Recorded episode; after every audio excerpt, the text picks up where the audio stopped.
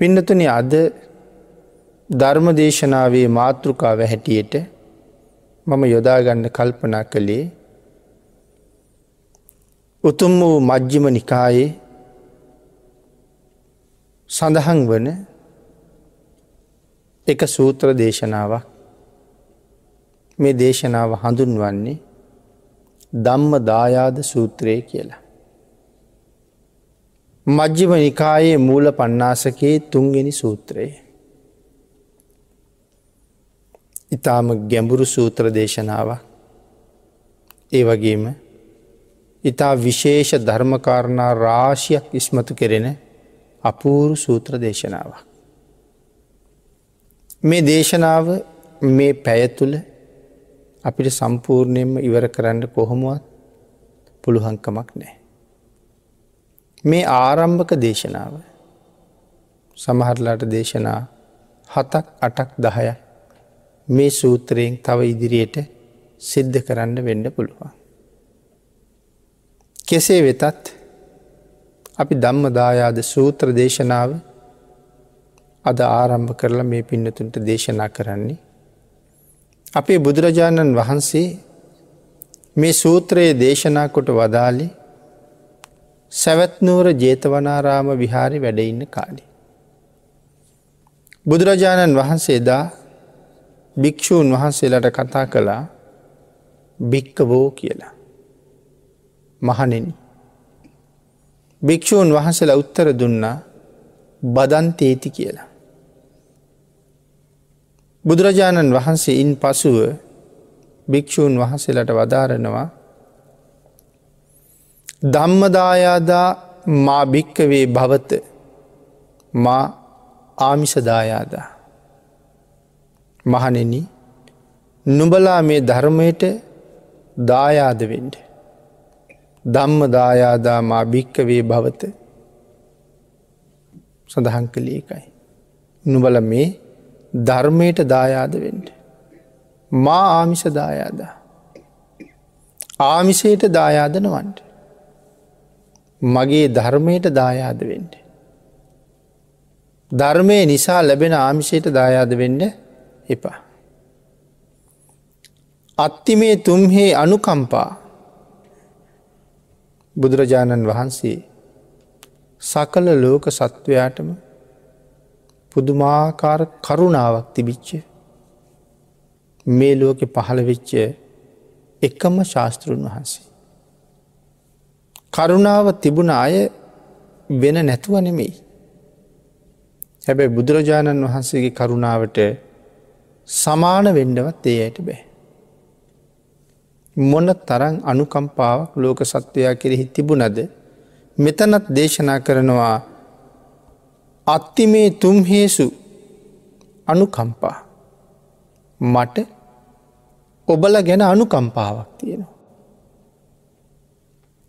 කෙසේනම් මාගේ ශ්‍රාවකයෝ ධර්මයට දායාද වන්නාහුද.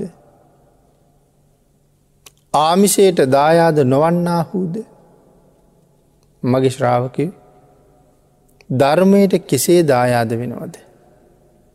ආමිසයට කෙසේ දායාද නොවෙනවද. ධර්මයට දායාද වෙන හැටිත් ආමිසයට දායාද නොවෙන හැටිත් නොවිය යුතු ආකාරයත් මේ සූත්‍රයෙන් අපිට පැහැදිලි කරලා දෙන. මේවාගේ උතුම් සූත්‍රයක් දේශනා කරන්න මොකක් හෝ හේතුවක් තියෙන්ට ඕනේ. ඒ හේතුව පිළිබඳව ටිකක් දැනගන්න එක තවත් හුඟක් වටිනව දේශනාව තේරුම් ගන්නට. ඒ හේතුව තමයි ලාභ සත්කාරය. බොහෝ දෙනාගේ ජීවිත අන්ද වෙන්නේ බොහෝ දෙනාගේ ගුණය මැකෙන්නේ බොහෝ දෙනාගේ සිල් පළුදු වෙන්නේ ලාභ සත්කාරත් එක්. ආං එතනින් මේ භික්‍ෂූන් වහන්සල බේර ගණ්ඩයි භාගිතුන් වහස මේ දේශනාව කරන්නේ. එනම් දේශනාව සිදු කිරීමේ හේතුව ලාභ සත්කාරය. බුදුරජාණන් වහන්සේ මේ හේතුවෙන් මහා ලාභ සත්කාරයක් උපදිනවා. බුදුරජාණන් වහන්සේ නිසා මහ පුදුම ලාභ සත්කාර ලැබෙනවා. භාගිතුන් වහන්සේ වැඩඉන්න කාලි බුදුරජාණන් වහන්සේටත් ලැබුණ. යම් කෙනෙක් බුදුරජාණන් වහන්සේගේ ධර්මය දේශනා කරනවන. ඒ අයටත් පුදුම විදිහට ලාභ සත්කාර ලැබෙන. ප්‍රසංසා ලැබෙන තවත් නොයෙක් සම්පත් ලැබෙනවා. එනම් ඒ දෙකම අයිති වෙන්නේ ලාභ සත්කාර ගනීට. කෙනෙක් ඉතාම ශ්‍රද්ධාවෙන් බුද්ධ වත කරනවා. තමන්ට මහ කුසල් පිරෙනවා තමයි. ඒ කුසලේ අරමුණු කරලා තමයි ඒ වත කරන්න. නමුත් ටික ටික ටික ටික ශ්‍රාවකයෝ අතරට ගියහම් මිනිස්සු අතරට ගියහම ඒ බුද්ධ වත බලන්ඩ ඒ බුද්ධ වතට සම්බන්ධවෙන්ඩ ඒ බුද්ධ වත කරන්ඩ ඉදිරිපත්වෙන්ඩ කාලයක් යැනකොට දායකයෝ ඕන තරන් පෙළගෙහෙනවා. එතකොට ඒ දායකයන්ගෙන් ඒ ස්ථානයට නොඒ ආකාරයේ ලාභ සත්කාර පුද පූජාවල් ලැබෙනවා. ඒකයි මේ සඳහන් කළේ. භාග්‍යතුන් වහන්සේ හේතුවෙන් මහා ලාභ සත්කාර උපදිනවා. බණකීවත් වත කෙරුවත් සිල්ම රැක්කත් ලාභ සත්කාර උපදින කවුරු නිසාද බුදුරජාණන් වහන්සේ නිසාමයි. මේ හැම කරුණක් ළඟම බුදුරජාණන් වහන්සේම ඉන්නවා. මේ ලෝක අපි හැමෝම බුදුරජාණන් වහන්සේට තරන් වෙන කාටවත් නයිනෑ. අම්ම තාත්තටවත් එච්චර නයිනෑ. බුදුරජාණන් වහන්සේ අපි වෙනුවෙන් කළ දේ අම්ම තාත්තවත් කවදාවත් කරලනෑ. අම්ම තාත්තටවත් ඒක කරන්නත් කරන්නත් බෑ. සමහර වෙලාවට මහා ශ්‍රද්ධාවන්තයෝ. මව්පියන්ට වඩා බුදුරජාණන් වහන්සේ ගැන කතා කරපු හැටි. අපි මව්පියන්ට වඩා කොහොමත් බුදුරජාණන් වහස ගැන කතා කර බුදුරජාණන් වහන්සේගේ ගුණ කියන බුදුරජාණන් වහන්සේ ළඟ මව්පියෝ දෙවනි තැනමයි නමුත් අර කරුණක් දෙකක් කියන්න වනහම අර උත්තරා කියන උපාසිකාව. එක අවස්ථාවක සිරිම උත්තරාගේ ඇඟට උුණු තෙල්වැක් කෙරවා. නමුත් උත්තරාගිති විච්ච මෛත්‍රී ගුණේ නිසා ඒ උුණු තෙල්වලින් පිච්චුනේ නෑ. හැබැයි පස්සේ මේ සිරිමා කියන වෛශ්‍යාව ඒ උත්තරානං මහ උපාසිකාවකින් සමාවෙල්ලවා. ඒලාවේ ඇය මොකද සඳහන් කළේ. මගේ නම් කිසි අකමැත්තක් උඹ පිළිබඳව නෑ. මගේ කිසි අමනාපෙකුත් නෑ. හැබැයි මගෙන් සමාවිල්ලුවට වැඩකුත් නෑ. එන කාගෙන්දමන් සමාවිල්ලන්නේ. මගේ තාත්තගෙන් සමාවිල්ලන්ට කිවා. ඒවෙලා සිරිම සඳහන් කළා එහෙනම් මං පුන්න සිටුවරය හොයාගෙන යන්න. පුන්න සිටුවරයගෙන් ම සමාවිල්ලන්න. උත්තරා කිය නො නෑ. පුන්න සිටුවරයගෙන් සමාවිල්ලලා හරියන්නේ නෑ. එහෙනම් මොන තාත්තගෙන්ද සමාව ගන්නේ. ඒලෑ උත්තර සඳහන් කරනවා. පුන්න සිටුවරය කියල කියන්නේ. මගේ කය පෝෂණය කරපු තාත්තා. නමුත් ඊට වඩා හරි වටිනවා මං සතරපායෙන් ගොඩ ගත්ත තාත්තා. එන ඔබ සමාව ගත යුත්තේ බුදුරජාණන් වහන්සේකින් කියලා. ඊට පස සිරිම සමාවිල්ලන්නේ බුදුරජාණන් වහන්සේගේ. එතකොට ඔබටත් මටත් සතර අපාය ගැන කියල දුන්නේ බුදුරජාණන් වහන්සේ. අද අපායක් ගැන අපි හොඳටම දන්නවා. තිරිසං ලෝකෙ ප්‍රේතලෝක අසුරලෝක ගැන අපි හොඳට බණදහම් අහල තියෙන නිසා දන්නවා.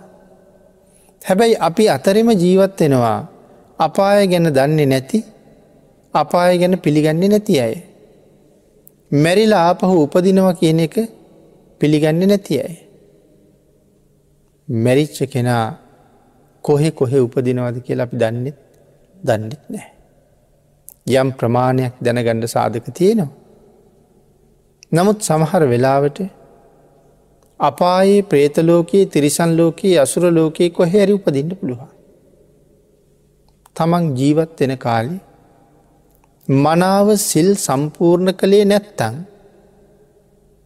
ඒ කිවි ප්‍රාථමිකම සීලයවත් මොකදද ප්‍රාථමිකම සීලය කිවේ පන්සිල්. මේ බුද්ධ ශාසනයේ ප්‍රාථමිකම පුද්ගලයා. දැන් අපි උදාහරණයකට රෝහලක් ගම්. රෝහල ඉන්න ඉහළම පුද්ගලය ප්‍රධාන වෛද්‍ය අධ්‍යක්ෂ කලන ධාරිය. ඒ රෝහල ඉන්න පල් හැම කෙන අර පේමන්ට් එක කානු අතුගාන කම්කරුවා. එතකොට සම්මා සම්බුද්ධ ශාසනයේ පල්ලැහම කෙන තිසරණ සහිත පන්සිල් තියෙන කෙන. එතකොට අපි හිතල බලන්ඩ ඕනෑ මේ ශ්‍රේෂ්ඨ ශාසනයේ අපි තාම උරුමක්කාරයෝ වෙලා නැද්ද කියලා. තිසරණ නැත්තන් පන්සිල් නැත්ත තාම මේ ශාසනය උරුමය අපිට හම්බ වෙලා හම්බ වෙලා නෑ. එතකොට අර සතර අපාය දන්න නැති. නැවත උපදින බව දන්නේ නැති. ඒ අයටත් වඩා හුඟක් පල් හැ වගේ අපි ඉන්න. ඒ අයටත් ආගමක් තියෙන. ඒ ඇත් ඒ ගොල්ලොන්ගේ ආගම ඉන්න. නමුත් එතකොට මෙ තිසරණත් නැත්තන් පන්සිලුත් නැත්තන් අපි ඉස්ලාම් නෙමේන අපි දෙමල නෙමේනම් අපි හින්දු නෙමේන තැන් අපි කවුද අපි බෞද්ධත් නෙමේ එතකොට ඒ ඔක්කොටම වඩා අසරණ නැද්ද ඒ ඔක්කොටම වඩා අසරණයි එතට මේ කාරණාව සඳහන් කළේ අපි හැමෝම ආගමක් හිමි පුද්ගලයෙක් වෙන්ඩෝනේ එනම් අපිට හිමි කරගන්නඩ දැන් ලේසිම සහ හිමි කරගන්නව නම් හිමි කරගත යුත්තේම බෞද්ධකම. අන් සියලු දෙනාට වඩා අපිට එතෙන්ටෙන එක පහසුයි. කොහොමද බෞද්ධයක් වෙන්නේ. තිසරණයි පන්සිලුයි හරියටම තිබ්බ කෙන. දැම් මේ දේශනාව අහනකොට ලක්වැසි ලෝවැසි හැම කෙනෙක්ම තමන් ගැන ආවර්ජනයකට යන්ඩෝනේ මට තිසරණ තියෙනවද මට පන්සිල් තියෙනවද කියලා. ඔය දෙකම තාම නෑ කියල හිතෙනවන්න තාම ආගමක් නෑ කියල හිතුවට කමක් නෑ. තවම රැකවරණයක් නෑ කියල හිතුවට කමක් නෑ. මැරිච්ච ගමන් සතරාපාය උපදින බව විශ්වාස කරගත්තට කමක් නෑ. බුදුරජාණන් වහන්සේ මට සැකනෑ බුදුරජාණන් වහසේ දේශනා කරපු ධර්මරත්නය මට සැකනෑ භාගිතුන් වහසේ ඇතිකරපු අෂ්ටාරි පුද්ගල මහා සංගරත්නය සැකනෑ දිවිහිමියෙන්ම බුදුන් දහම් සඟුන් මම සරණ යනවා කියලා යමි තීරණය කළුත් ඔහු එදාට තිසරණ ගතයි. ඒ තිසරණය සම්පූර්ණ වෙන්ඩ පන්සිල් අවශ්‍යයි. සරණ සිල් කියල කිවේ එකයි. එතකොට ඔහුට කීවා බෞද්ධයෙක්. ඔය සරණ සීලය වත් තියෙනව නං මැරිච්ච ගමම්ම කොහෙද උපදිනවා කිවී. දිවියලෝක උපදිනවා කියල සඳහන් කර.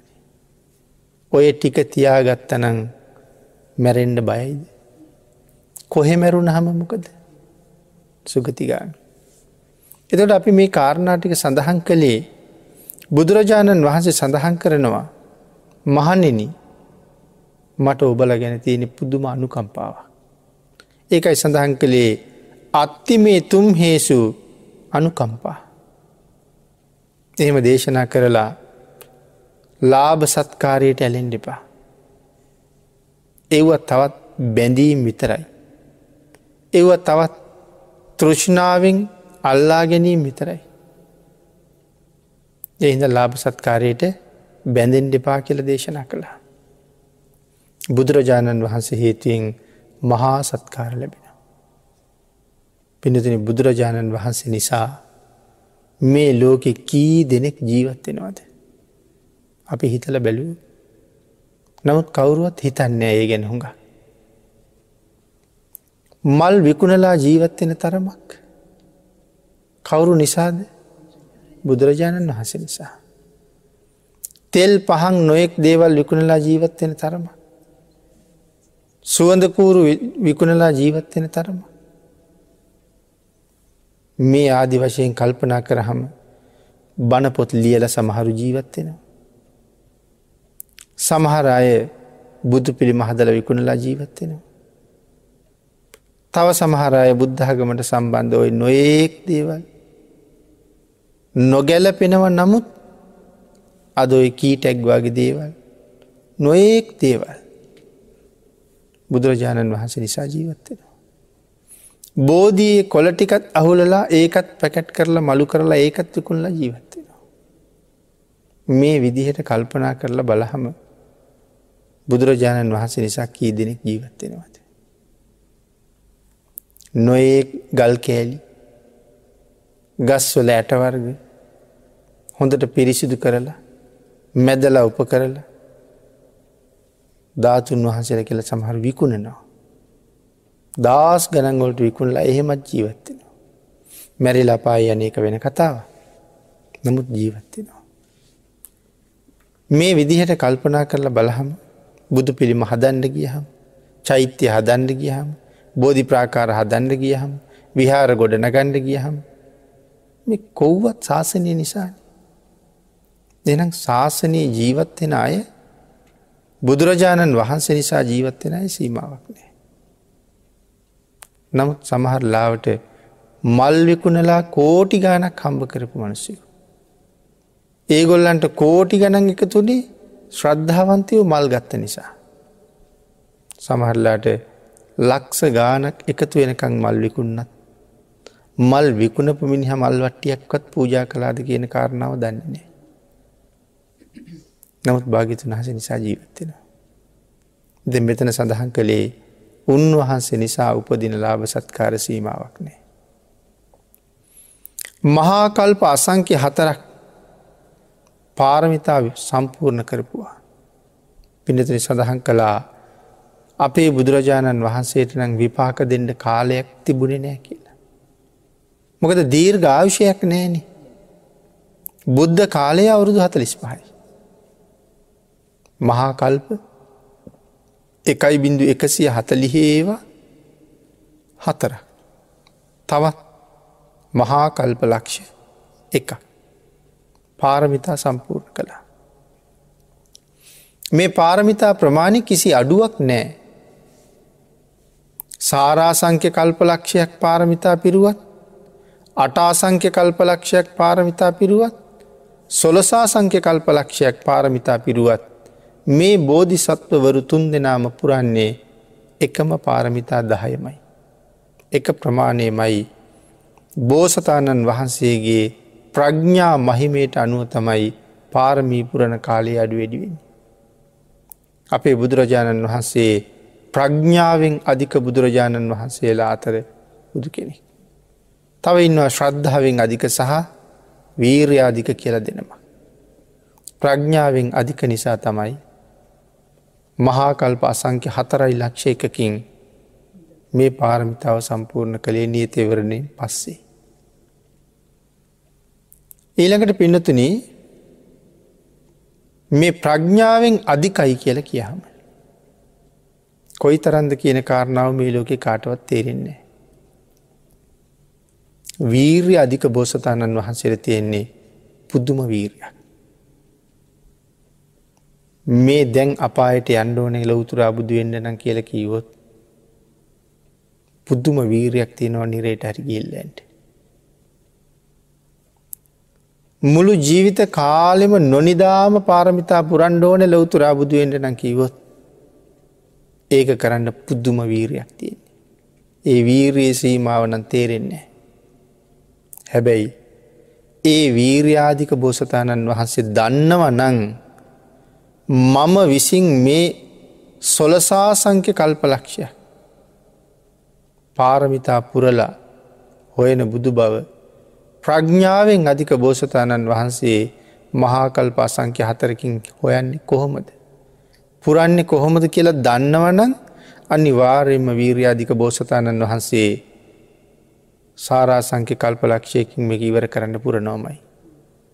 ආංගේකින් සඳහන් කළා ප්‍රඥ්ඥාවෙන් අධික බෝසතාණන් වහන්සේ නමක් පාරමිතා පුරණ හැටිවත් අනික් බෝසතාණන් වහසට තේරෙන්නෙවත් නෑ කියලා.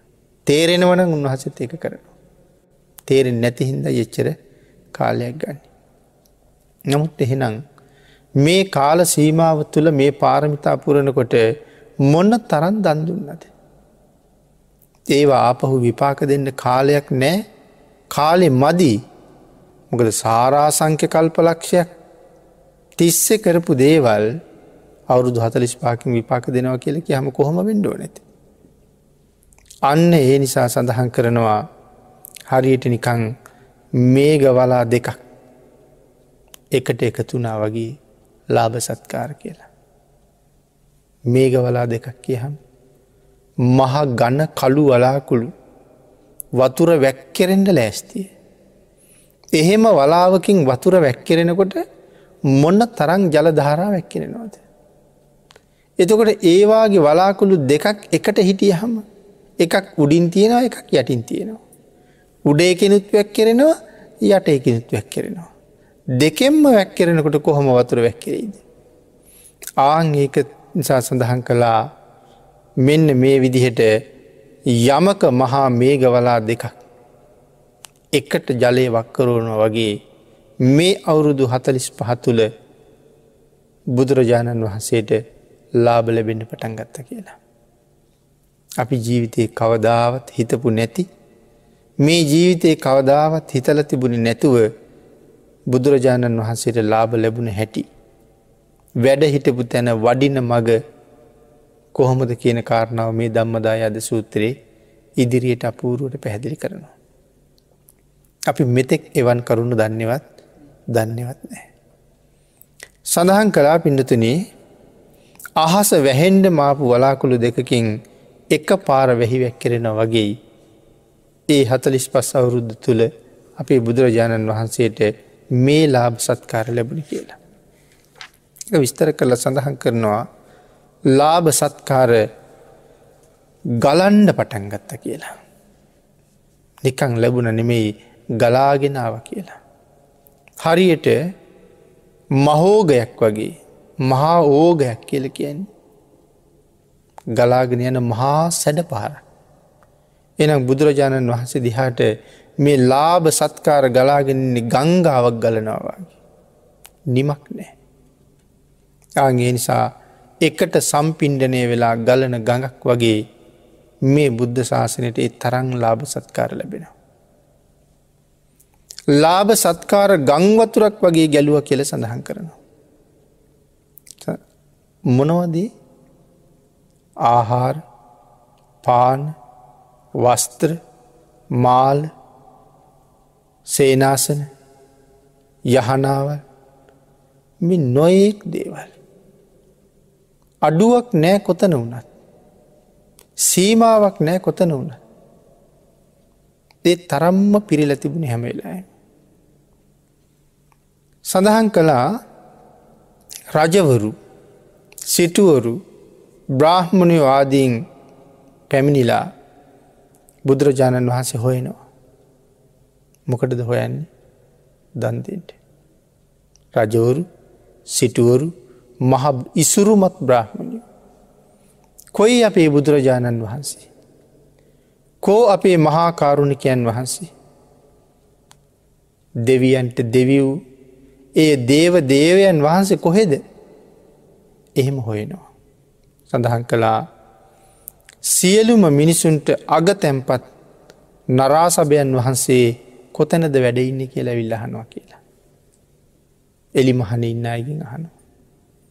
අපේ බුදුරජාණන් වහසකෝ අපේ ශාස්තෘන් වහසකෝ අපේ දේව දේවයන් වහන්සකෝ දෙවියන්ගේ දෙවියෙක් වෙච්ච උන්වහසකෝ සියලු දෙවි මිනිසුන්ට අග තැම්පත් වූ ඒ නරාසභයන් වහසේ කොහෙද වැඩඉන්න කියලාහනු. මේ පූජා කරන්න දේවල් ටිකක් ගෙනන්නද. කරත්ත දස් ගණන්වල පටවගෙන ඇවිල්ලතියෙන් පූජ කරන්න දේවල්. ආංගින්සා සඳහන් කරනවා ඒ පුරුෂ සිංහයා කොහෙද වැඩඉන්න කියමින් ගැල් සිය ගණන්වල බඩු පටවගෙන දානි දෙෙන් දානි භාරගණ්ඩ විල්ලයි. දානයක් පූජා කරගණ්ඩ වෙලාවක් ඉල්ල ගණ්ඩ මේ ඇවිල්ලතින්. සඳහන් කරනවා හාත් පසින් සතපුම් දෙක හමාරක් සතපුම් දෙක හමාරක් කියල කියන්නේ. ගව්වක් අපි ගව්වක් කියනවා යොදුනක් කියනවා. දර ගව්වක් කියල කියන්නේ සැතපුම්න දෙක හමාර. අද කතා කරන කිලෝමීටර් ප්‍රමාණයන්න හතරකට විතර ආසන්න ප්‍රමාණය. එනම් ගව්වක් පමණ ප්‍රදේශයේ සම්පූර්ණයෙන්ම ගැලෙන් ගැල එකට හේත්තු වෙන තරමින් ගැල් සිය ගණන් නතර කරගෙන. බුදුරජාණන් වහසේ යම් තැනකද වැඩඉන්නේ ඒ ආසන්නේ. කරත්තෙන් කරත්තෙට එකට එකට හේත්තුවෙන්ට නතර කරලා තියෙන්.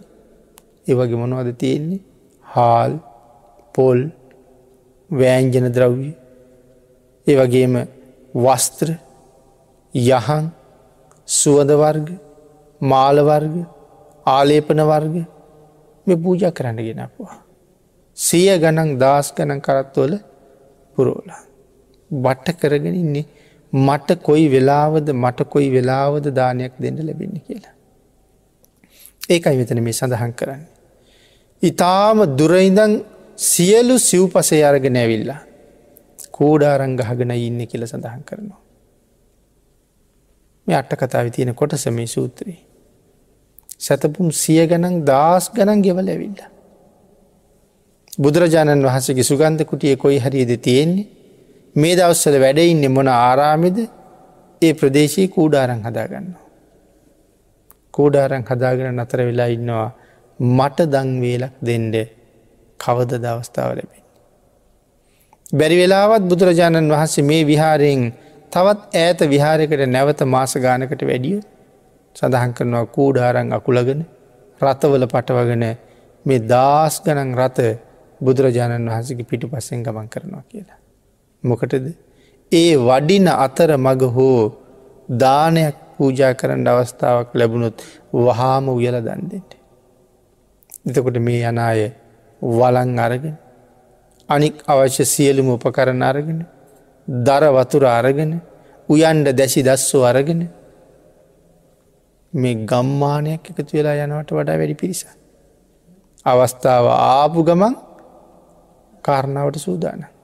අය හරි මෙහි දුවලාරක ගේන්ට මේක ගේන්ට හොයන්නේ මොකද මම පරක් වුණොත් අනික් කෙන අවස්ථාව ගණඩ පුළුවන්ගේද. එනම් මොන්න දනස් කන්දයක් වේදන් කරගෙන යන්ඩ ඇත්ත. ඒ කාරණාවත් මෙතන සිහිපත් කරනවා. ඒළකට පින්නතින සඳහන් කරනවා බුදුරජාණන් වහන්සේ යම් නගරයක ඉඳලත් තවත් නගරයකට වඩින විට මේ ගැලුත් පිටත්වෙනවා. කොයි වෙලාවෙ හෝ අපට වාරය ලැබී කියලා. කොහොම දන්දුන්නද විනය පිටකේ සඳහන් කරනවා අන්දක වින්ද බ්‍රහ්මණය දන්දුන්න හැටි පැහැදිලි කරන්න කියලා. මේ අට්ට කතාව කියනවා මේ දන්දුන්න හැටි දැනගණ්ඩ අන්දක වින්ද කියන බ්‍රහ්මණය දන්දීපු හැටි පැහැදිලි කරන්න කියලා. එතකට අන්දක වින්ද කියන බ්‍රහ්මණය දන්දීපු හැටි තියෙන්නේ මේ දම්ම දායාද සූත්‍රය නෙමෙයි විනය පිටිකේ තමයි ඒක සඳහන් කරලා තියෙන්. ඒ මේ දානයන්ගේ තරම තේරුම් ගන්ට. ඊළඟට පින්නතන මේ ආකාරයෙන් බුදුරජාණන් වහන්සේටත් භික්‍ෂු සංඝයාටත් මහාලාභපදිනවා. භාගිතුන් වහසට විතරද මේ භාගිතුන් වහසේ නිසා සංඝයාටත් ලාභ සත්කාර එහෙම්මම එහෙම්මම උපදිනව අඩුවක් නෑ. ඒක එදා විතරක් නෙවෙයි අදත් එහෙමම තමයි. නමුත් දේශනා කළා මහනිනී ඒ ලාභ සත්කාරයට කවදාවත් ගිජුවෙන්ඩිපා. මම නිසා ආමිසයට ගිජුවෙන්ඩිපා. මම නිසා ලැබෙන ආමිසයට නෙමෙයි මම හොයල උඹලට දේශනා කරපු දහම් මගට ධර්මයට ගිජුවෙන්ට කියලා. මෙන්න මේ නිසා සඳහන් කළා දීගනිකායි විශේෂයෙන් පැහැදිලි කරනවා. ඒ සමයෙහි භාග්‍යතුන් වහන්සේ සත්කාර කරන ලද්දේත් ගරු කරන ලද්දේත් මානිත කරන ලද්දේත් පූජිත පූජා කරන ලද්දේත් අපචිත කරන ලද්දේත් ලාබී වෙනවා. බොහෝ වූ සිව්පසේට භාගිතුන් වහන්සේ නිසා බොහෝ දේවල් ලබනවා. කොහොමද සඳහන් කරේ සත්කාර කරන ලද්දේ. බුදුරජාණන් වහන්සේ නිසා කී දෙනෙක් නං සත්කාර ලබනවාද. ගිහි පැවිදි දෙගොල්ලම බුදුරජාණන් වහන්සේ නිසා සත්කාර ලබනවා. ඒ වගේම ගරු කාර ලබනවා ගිහි පැවිදි දෙගොල්ලටම ගරු කරනවා බුදුරජාණන් වහන්සේ නිසා. උපාසක උපාසිකාවන්ට මොන තරං ගරු කරනවාද. බණ භාවනා කරන අයට මොන තරං සාමාන්‍ය අය ගරු කරනවාද. අද අහවල් තැන භාවනා වැඩ සටහන. අපි දානි හදාගෙන තවත් ප්‍රනීත කැවිලි පෙවිලි අරගෙන අපි යනවා භාවනා කරන පිරිසට දන්දෙන්ට. පෝයට සිල් සමාදන් වෙච්ච පිරිසට උපාසක දානි සපයන්ට. අවුරුද්ධක වෙලා විඳල බලාගෙන ඉන්නේ අපේ දවස එළඹෙනක. එදාට දන් දෙන්ඩ පුළුවන් උපරිමයක්ද දෙන්න පුළුවන් බොහෝ දේවල් දෙනවා. එනම් සත්කාර කරනවා ගරු කරනවා. දන්දීලා සිල් අයට වැඳල පුදල තමයි දන්දුන්න දායකය පිටත් වෙලා යන්නේ. මානිත කරන ලද්දේත් පූජා කරන ලද්දේත් අපචිත කරන ලද්දේත් මෙතන පූජිත කියන්නේ පූජා කරනවා. අපචිත කියල කියන්නේ ඒ ඔක්කොම ඉවර කරලා වඳිනවා ගිහිල්ලා. ලාබී වෙනවා බොහෝ වූ සිව්පසේට. බොහෝ සිව්පසේ ලැබෙනවා. භික්‍ෂූන් වහසලාට සීමාවක්නේ. සිල් ගන්න අයටත් ගුණපුරණ දවසට සිල්වස්ත්‍ර ලැබෙනවා. බණපොත් ලැබෙනවා. තවත් නොයෙක් දේවල් ලැබෙනවා. එනිසා සඳහන් කළා බොහෝ දේවල්වලට ලාබී වෙනවා. පිඩතින මෙතන සඳහන් කළා විශේෂයෙන්ම පත් කරන ලද්දී කියලකීවහම නොසැලකිල්ලෙන් නෙමෙයි ඉතාම හොඳින් සකසලා තමයි පූජා කරන ලද්දේ. දන් දෙනකොට නොසැලකිල්ලෙන් දන් දුන්න නෙමි. හොඳට සකසලයි දන් දුන්නේ. මේ දානය කියල කියන එක හරි සංකීර්ණ මාතෘකාවක්. මගේ සංසාරය මට කොහොමද සුවපත් වෙන්ඩෝනි ඒ සුවපත් විය යුතු ආකාරය මේ දානය තුළ අන්තර්ගතයි.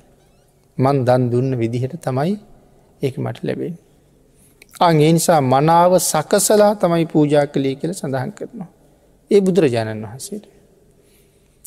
කොහොමද හරියටම දන් දෙන්නේ. ඒ කාරණව අපි දන්න නැති වුණහම අපි මනාව සකසන්න දන්නෙත් නෑ. මනාව පිළියල කරන්න දන්නෙත් නෑ. මනාව පිළිගන් වන්ඩ දන්නෙත් නෑ. සැකසීම පිළියල කිරීම පිළිගැන්වීම. මේ තුන දානයේදී හරිම වටිනවා. ආං ඒක දන්න ඇති වුණහම සමහර වෙලාවට හිටගෙන ඉන්නව කෙනෙක්. මේ මේක ඔබට කියලගෙන් හිල් අපි බිමින් තියලෙන. ඉඳගෙන ඉන්නව කෙනෙක්. මේ මේක වලදන්න කියලා ළඟ තියෙන උසක තියලා එනවා. එතකොට පේන්නේ නෑ භාජනය මොනවද තියෙන කියලා. ඉඳගනම නං ගණ්ඩ වෙන්නේ ඇඟට හැලෙන්න්නත් පුළුවන්. නොය කරදරවලට මුණ පාන්නත් වෙන්ඩ පුළුවන්. ආං ඒ නිසා සඳහන් කළා කෙනෙකුට ඉහලින් තියලා ආරාධනා කරනවා නැත්තං ඉහල ඉන්න කෙනෙකුට පහලින් තියලා ආරාධනා කරන. ඒක මනා පිළිගැන්වීමක් නෙමේ. අපි ගේමු අපි දන් දිය යුතු කෙනෙක් ඉහළ මාලයක ඉන්නවා කියලා. අපි පල්ල හැ මාලයෙන් ගෙනහිල්ල ආහාර පාටික තිලකින මෙන්න වෙතන තිබ්බා. ඉරස පහලට එන්ඩෝන ඒ දානිටික අරගන්ට. ඇත්තටම ළඟමට තිබුණනං ඊට වඩා පහසු නැද්ද. ළඟටම ගෙන හිල්ල පිළිගන්නලාවනං ඊටත් වඩා ප්‍රතිග්‍රාහකයට පහසුයි. නමුත් දැන් ප්‍රතිග්‍රාහකයට ටිකක් ටිකක් අපහසුයි. එහින්ද නැගිටලා අය පල්ලහැට එන්ඩ එන්ඩ වෙනවා. මටත් සංසාරි විපාක දෙනකොට ආං ඒවාගේ ලැබෙනවා හැබැයි පහසුවෙන් ලැබෙන්නේ නෑ ලැබිල තියෙන ටිකක් දුක්කිදල තමයි ගණ්ඩුවෙන්. ජෝතිය සිටානන්ගේ. මාලිගාවට බිම්බිසාර රජ්ජිරු ආවහම බිම්බිසාර රජ්ජිරුව දවල් කෑම කන වෙලා වෙනකම්ම මාලිගාවීන්දලා. සිටතුමාගෙන් අහනවා මන්දැන් ඇවිල්ල කොච්චර වෙලාද. කොයි ඔබේ බිරිඳ කියලා. තාම දැක්කනෑ බිරිඳ. අනේ ස්වාමීණී මදක් ඉවසන්ට. මං ඉක්මන්ට එන්න කියන්න. එහෙම කියල ගිහිල්ල බිරිඳට කතා කරලා බිසවට කියනවා අපේ රජ්ජුරුව ඇවිල්ලා එන්ඩ යන්ඩ බලන්ඩ කියලා. එතකොට ජෝතිය සිටිතුමාගේ බිසවහන රජ්ජුරුව කියන කවුද. ඒ තමයි මේ රටේ නායකයා. ඇය අහනවා මේ රටට නායකයක්කින් නොවද. ඒ කියන්නේ අපි තව කාට හරි යටත් වෙලාද මෙයින්. අහු මන් සංසාරි කොච්චර පව් කරලද. තව කෙනෙකුට යටතින්ට. එහෙම කියලා තමයි නැගිටලයින්. ඇයි ඇය දන්නෑ රජෙක් ගැන. ොද ජෝතිය සිටතුමාගේ බිසව උතුරුකුරදුවේනින් දෙවියන ගෙනල්ල දෙන්නේ. ඉතින් නමුත් ඇය කල්පනා කරනවා මං පින් කලා මදී දැම් මේ නායකයෙක් කියලා කෙනෙකුට හිස නමන්ඩ යන්න වෙනවා. එහෙම නොයා ඉන්න තිබුණ නම් ඒත් සැපයින්න. ආං ඒ හින්ද අර ආහාර ටික ළඟටම ගෙනහිල්ල පූජා කරලා තිබ්බනං සංසාරය මටත් ලැබෙනකොට එහෙමයි. එම නැත්තම් මටත් ලැබෙනවා නමුත් ටිකක් කරදර වෙලා තමයි ඒක ගණ්ඩවෙන්. ඒ කාරණා විශේෂයෙන් සහිපත් කරලා තියෙනවා පිළිගන්නනකොට. එන සැකසීම පිළියල කිරීම පිළිගැන්වීම හරි වටිනවා. සකසනකොට නම් පින්නතිනේ නිමක් නැතුව හිතන්න තියෙනවා. අපි කියමු අපි පළතුරු පූජාවක් කරනවා. ගෙඩි පිටිං පූජා කරන්නත් පුළුවන්. ඒ ගෙඩිය හෝදන්නෙත් නැතුව එහෙම්මම පොකුරු පිටින් ගෙනහිල්ල පූජ කරන්න පුළුවන්. පරදක් නෑ තහනමක් නෑ. සෝදලා පිරිසිදු කරලාගෙන හිල්ල පිළිගන්නවන්නත් පුළුවන්. පොත්ත ඇරල පිළිගන්නවන්නත් පුළුවන්. පොතුත් ගලවල කෑලිවලට කපල ඇතුළෙ තියෙන ඇටත් අයින් කරලා පිළිගන්වන්නත් පුළුවන්. දැන් අපිට පිළිගැන්වුවොත් කොහොම පිළිගන්නවනවටද අපි කැමති. මට නිකම්ම ගෙඩි පිටින් ගෙනල්ල දුන්නොත් ඒක සෝදගණ්ඩ මං අයතනකට යන්ඩෝන. සමහට ඒක පොතු ගලවගණ්ඩ පිහියක් හොයන්ට අයතනකට යන්ඩෝන. ඉට වස පොතු ගලවල කපල කාට පිපෙනවනං ලුණු දාලා මේ සියල්ල සකසගණ්ඩ මන් සෑහෙන වෑයමක් දරන්න ඕනේ. කවුරු හරි සෝදලා ගෙනල්ල දුන්නනක් මට ඒ දරන්න තියෙන වෑයම අඩුයි. කවුරු හරි පොතු ගලවල කපල ඇට අයින් කරලා ලුණු මිශ්‍ර කරලා ළඟට ගෙනල්ල පිළිගැන්නුවොත් හරි පහසුයි. එතකොට ආංගේ පිළිගැනීම ඔය ඕන විදිහකට කර හැකි නමුත් අර තුන්වෙනිවට සඳහන් කරපු ක්‍රමේට අපි තව කෙනෙකුට දෙනවනං මටත් සංසාරය ලැබෙනකොට ආං ඒ විදිහට ළඟට සියල්ල සම්පූර්ණ වෙලාම තමයි ලැබෙන. එතකොට පිනතින තව කොච්චර දේවල් ඉත හැකිද. සමහර දේවල්වලට අපි ලුණුකුඩු මිරිස්කුඩු මිශ්‍ර කරලා පිළිගන්නවන දේවල් තියෙන ඇඹුල් දේවල් වගේ අම්මු අඹ කෑලි පිළිගන්නනකොට වගේ අපි හොම කරන. හැබැයි ඒ පිළිගැන්වීමත් එච්චර සාර්ථක නැතිවෙනවා සමහර වෙලාවට සමහර කෙනෙක් මිරිස් කුඩුවලට අකමැති වෙන්න පුළුවන්. සමහර කෙනෙකුට ලුණු වැඩිවෙන්න පුළුවන්. මට සකස හැකි තව භාජනයක මිරිස්කුඩු තව භාජනයක ලුණුකුඩු. කැමති විදිහට ලුණු කැමති නං ලුණු මිරිස් කැමති නං මිරිස්. දෙකම කැමති නං කැමති විදිහට ඊට පස්සේ ආයෙත් මිරිස්කුඩී ලුණුකුඩී කලවන් කරලා තව භාජනයක තුනක් පිළිගන්වන්න පුළුවන්. ඔබ කැමති විදිහට අනුභව කරන්නට වලඳන්ට මටත් සංසාරය ලැබෙනකොට ඊට වඩා බොහොම අග්‍ර විදිහට ලැබෙනවා. මේ පිළිගැන්වීම කියන එක ඒ වගේ. එන මෙතන සඳහන් කළා එහෙම පිළිගන්නවන්න ඕන පිළිගන්න නොන. මේ පිළිගැන්වීමේ තව නිමක් නෑ. තව ඕන තරන් ඒ ගැන කරුණු දක්වන්න පුළුවන්. දානය උපදින හැටිත් හරි වෙනස්. සමහර කෙනෙක් දඩුවන් කරන නිසා දන් දෙනවා. සමහර කෙනෙක් ඒගොල්ලු අපට දුන්නන අපිත් ගෙනහිල්ල දෙන්න ඕන කියල දන් දෙෙනවා.